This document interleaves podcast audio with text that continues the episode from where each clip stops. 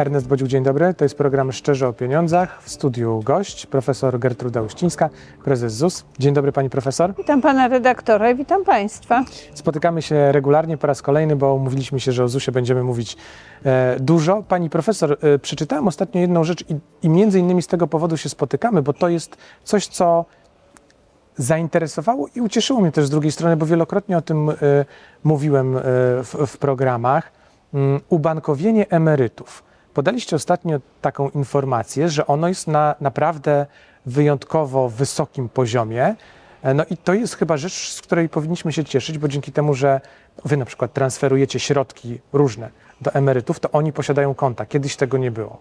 Tak, tak, to jest długi proces i jeżeli sięgniemy e, wstecz, i to nie jest jakieś e, lata świetlne, to jest naprawdę kilka no, lat. Parę lat wystarczy. Parę tak. lat to było 40% świadczeń było przekazywane na rachunki bankowe, czyli proszę zobaczyć, jaka skala była tego przekazywania bezpośredniego w gotówce. I jak gdyby przeskoczyć to i patrzeć na połowę 2023 roku, no to absolutnie wśród świadczeń nowo przyznawanych e, zbliżamy się do 89%. To jest znakomity mhm. wynik, ale trzeba powiedzieć jasno, że e, w prawie mamy zasadę taką, że nie ma obowiązku, a więc tylko możliwość. Tylko prawo wyboru. A więc my wykonaliśmy przez te ostatnie e, kilka lat taką pracę też edukacyjną, uświadamiającą, informującą ale także e, trzeba jasno powiedzieć, że ta praca była wykonana z bankami, bo e, kwestia dotycząca, żeby przekazywać zwłaszcza świadczenia emerytalne mhm. na rachunek bankowy, no wymaga też odpowiedniego podejścia banków, a więc tego łatwego, prostego zakładania konta, też kwestia właśnie zwolnienia z opłat i szeregu innych e, działań. Czyli przez te ostatnie kilka lat, po pierwsze, udaje nam się edukacyjnie, informacyjnie, e, z punktu widzenia też bezpieczeństwa, dotrzeć do nowych świadczeniobiorców, zwłaszcza emerytów, żeby we wniosku aplikujący o świadczenie emerytalne zaznaczyli, że przelew na konto, ale także tą pracę wykonaliśmy wspólnie z bankami, żeby rzeczywiście one były atrakcyjne, dostępne. Czyli listonosz z torbą emerytur to nie jest już taki powszechny widok jak kiedyś. On, e, mamy też e, widoczne jak gdyby wzrosty tych, tego korzystania i ubankowienia no w największych aglomeracjach. To mhm. jest zdecydowanie jak gdyby szybciej i łatwiej dotrzeć do tych świadczeniobiorców, ale także przełamujemy ten wizerunek, jeżeli chodzi o gminy, o mniejsze miejscowości i też stopniowo tutaj przybywa tych, którym przelewamy e, świadczenia e, na konto. W ogóle myślę, że też tu dużą taką e, przysługę zrobiło nam to, że od ponad dwóch lat my realizujemy te świadczenia na rzecz rodziny i dosyć tak często komunikujemy, że jesteśmy e-urzędem, gdzie przekazujemy świadczenia tylko na konto to jest jak gdyby inny dział świadczeń, ale myślę, że e, także odbiorcy świadczeń emerytalnych gdzieś słyszą, że tutaj w ogóle nie ma nawet takiego wyboru, że jakakolwiek gotówka czy na zeszyt, to tylko Aha. idzie na konto. I, I myślę, że to, to jak gdyby to postrzeganie całościowe, że mamy taką strategię i taką politykę, e, też powiem wprost z punktu widzenia bezpieczeństwa, że świadczenia idą na konto i gdy popatrzymy na wszystkie świadczenia, to jest około 78,8%. To jest bardzo wysoki wskaźnik. To są zasiłki rodzinne, e, emerytury i tak jak mówię, no do tych 90 dobijamy też, jeżeli chodzi o świadczenia te nowo przyznawane emerytalne. Czyli emeryt to nie jest już taka osoba, która rękami i nogami się zapiera. Nie, ja tylko gotówkę od listonosza. Ja myślę, że, że absolutnie to tak nie, się. to się bardzo zmienia.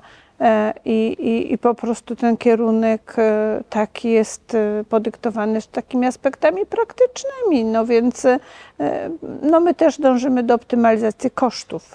Oprócz mhm. tego, że. No tak, bo transfer gotówki jest droższy niż przelewy, prawda? Tak, oczywiście no to jest w granicach 10 zł przekazanie takie bezpośrednie gotówkowe.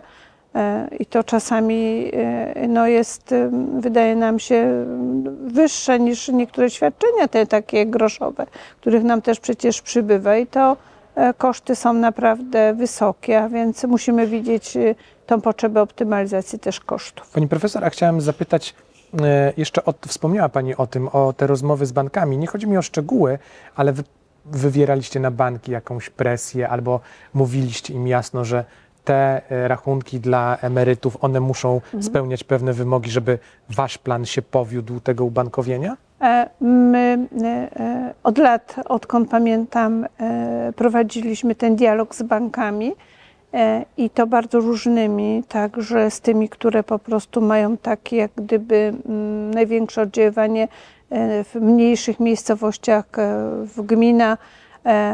To było tak, że namawialiśmy ich na to, żeby oni wprowadzali różne udogodnienia, zwłaszcza łatwość założenia konta, zapewnienie też opiekuna, i e, przede wszystkim e, no, brak odpłatności, przynajmniej mhm. za jakiś okres z tytułu prowadzenia tego konta. To nie było takie proste kilka lat temu.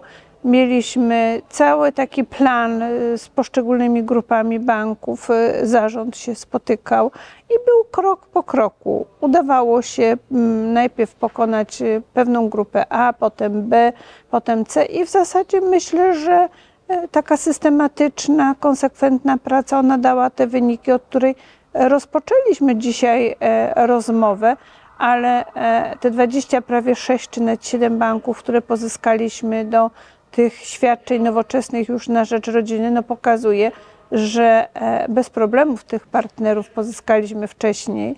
E, w mhm. ramach tego dialogu i oni też przystąpili do kolejnych e, e, programów, a więc o otwierania tych rachunków z tytułu po prostu nowej grupy uprawnionej. To pokazuje, że ta taka była konsekwentna taka polityka i rzeczywiście, tak jak pan redaktor podpowiada, zaczęliśmy ją naprawdę, żeby ułatwić dostęp do tych świadczeń emerytalnych i żeby one w większym stopniu szły po prostu na konto przelewem tak teraz sobie myślę jeszcze szerzej trochę o całej digitalizacji i, i działań, działaniach na rzecz e, właśnie ucyfrowienia całego społeczeństwa, no bo rozmawiamy o emerytach, ale teraz sobie tak zdaję sprawę, że emeryci to jest także bardzo duża grupa korzystająca z e-świadcz, z e-recept, prawda? Tak, oczywiście, e, absolutnie. Ja myślę, że e, e, jak gdyby też planując pewne działania, które mhm. tworzą taki plan dotyczący digitalizacji, elektronizacji. Myśmy zaczęli, już rozmawiałam kiedyś z panem redaktorem na ten temat, elektroniczne zwolnienia. To był 1 grudzień 2018 rok. To jest wielkie osiągnięcie, ja uważam, cywilizacyjne, które usprawniło pracę i lekarzy, i pracodawcy wiedzą no tak, o chorobie. To jest niesamowita wygoda. Tak, to jest ogromna wygoda, ale nie tylko, bo ta platforma, na której rejestrujemy, E, właśnie te przyczyny, te choroby, te skutki, jest e, znakomitym też takim polem do diagnozowania, na co chorujemy, w jakim wieku, z podziałem na płeć, na wiek, na rodzaje chorób i w takim dyskursie też e, na różnych kongresach z lekarzami, ze specjalistami jesteśmy w stanie pokazać, jakie są tendencje, a oni też mogą jak gdyby to zderzyć ze swoją wiedzą, jeżeli chodzi o rodzaje stosowanych terapii, leków i myślę, że ten kierunek... No, czyli bardzo to, szerokie to, zakrojone tak, badania społeczne. Tak, tak i, to, i ten kierunek jak, jakoś tam rozpoczęliśmy i myślę, że będziemy go rozwijać. Ale odpowiadając na pytanie, to myśmy tam właśnie wprowadzili ten certyfikat, który jest wykorzystany przy recepcie, przy dokumentacji i innych e, obszarach, które z kolei realizuje czy Ministerstwo Zdrowia, czy Narodowy mhm. Fundusz Zdrowia. Czyli e, e, ten postęp wprowadzony w przypadku elektronicznych zwolnień stał się takim początkiem tych daleko idących reform, no, które ułatwiły w ogóle zarządzanie państwem w okresie pandemii, ale także na rzecz emerytów E, wprowadzone e-wizyty, zarówno te związane ze zdrowiem, ale także i u nas e-wizyty, które wprowadziliśmy w pandemii. Jest prawie 280 tysięcy osób, które korzystało już z takich e-wizyt. To oznacza, że te procesy takie Y, poprzez internet, e, one po prostu no, są konieczne i są rozwijane i przyszłość jednak będzie na tym polegała. Pani profesor, chciałem Panią zapytać jeszcze jedną rzecz, bo tak mi przyszła do głowy myśl związana z tą gotówką, o której rozmawiamy i tych transferach. Pojawia się taka dyskusja, e, nie chcę powiedzieć, że kontrowersyjna, ale na pewno budząca emocje dotyczące tego, jak daleko my powinniśmy iść w ograniczeniach tej gotówki, a może w ogóle z niej zrezygnować. Są takie pomysły, żebyśmy odeszli od papierowego pieniądza, mieli go tylko w formie cyfrowej. Jakby pani spojrzała na te procesy, które się dzieją tak w przekroju, to za czym by się pani opowiadała? Ja myślę, że e, e, za taką póki co jeszcze na najbliższe lata dywersyfikacją, e, e, dlatego że musimy e, jednak widzieć e, taką sytuację, że może dojść, e, gdybyśmy przeszli tylko na bezgotówkowy taki obrót, może dojść do różnych wykluczeń, ale też z punktu widzenia chyba też bezpieczeństwa państwa. Mhm. Przyjmowane są różnego rodzaju strategie dotyczące bezpieczeństwa finansowego, a więc myślę, że także ten obrót gotówkowy jeszcze na tą najbliższą przyszłość jak najbardziej musi być zachowany, ale jednak e, z punktu widzenia takich działań, o których my tutaj rozmawiamy, to absolutnie to powinno być bezgotówkowe, e, bezpieczne i zoptymalizowane. E, Kiedy dyskusje takie na poziomie też innych państw czy Unii Europejskiej są prowadzone, to też jeszcze jednak no, ta kwestia tej dywersyfikacji jest podnoszona. Czyli zostawiamy, czyli e, inaczej, patrząc z drugiej strony, tam, gdzie wymaga tego bezpieczeństwo, wygoda, e, Albo też te wyłączenia, bo musimy e, też myśleć, że e, ja, ja nawet odpowiadam na mm, pisma, które pochodzą z różnych organów państwa, czy ta polityka, którą prowadzimy dotycząca tej automatyzacji, elektronizacji, czy ona nie pozbawia zwłaszcza osób e, w wieku starszym dostępności do usług społecznych.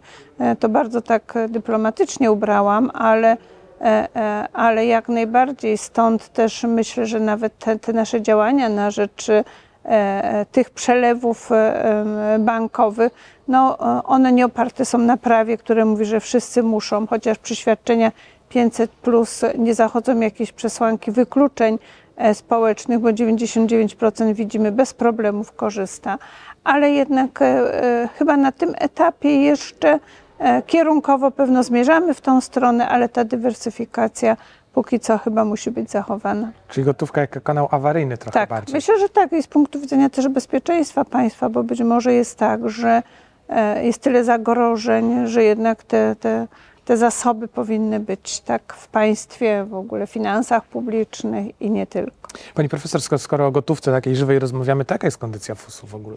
Tak, e, no bardzo dobra jest e, właśnie połowa 2023 roku. E, Przeciętnie a 85,6% pokrywamy wydatków ze składek. To są znakomite wyniki. Przypomnijmy, że e, analizujemy to od stycznia 1999 roku, czyli od takiej naprawdę e, e, zaliczanej do kamieni milowych reform, odważnego powołania funduszy, rejestrowania na kontach płatników ubezpieczonych. E, I to wahało się od 50, 60, 70%, te 85 i jeszcze 60 to jest bardzo dobry wynik. Na to się składa po pierwsze bardzo wysoka liczba przedsiębiorców. e, To jest w granicach 2,9 do 3 milionów. Niektóre firmy się zakładają, inne się likwidują, ale liczba przedsiębiorców w Polsce utrzymuje się na bardzo wysokim poziomie biorąc pod uwagę krótki okres po pandemii. No i, i to, co mm, wystąpiło po pierwszym kwartale tego roku, e, ponad 17 milionów osób aktywnych zawodowo, jak podał GUS. E, Oczywiście my z kolei w rejestrach ubezpieczeń społecznych widzimy nawet ponad 17 milionów zarejestrowanych dla celów ubezpieczenia zdrowotnego. To jest taki nasz, najszerszy e, rejestr i 16,5, 16,5, 16,8 miliona w ubezpieczeniu emerytalno-rentowym. No i też oczywiście mm, e, e, musimy widzieć, że e, wyższa jest podstawa wymiaru, z której pobieramy składki, no bo jest duży wzrost przeciętnego wynagrodzenia i z urzędu, z mocy prawa minimalnego wynagrodzenia, czyli to powoduje, że rzeczywiście no, e, pokrywamy w tak dużym stopniu to także oznacza, że w mniejszym korzystamy z dotacji z budżetu państwa, nawet tej planowanej, a więc, e, czyli e, jeżeli w stopniu wystarczającym pobierzemy w danym miesiącu składki, to w jakim stopniu możemy zrezygnować z dotacji i wtedy te pieniądze pozostaną do dyspozycji ministra finansów.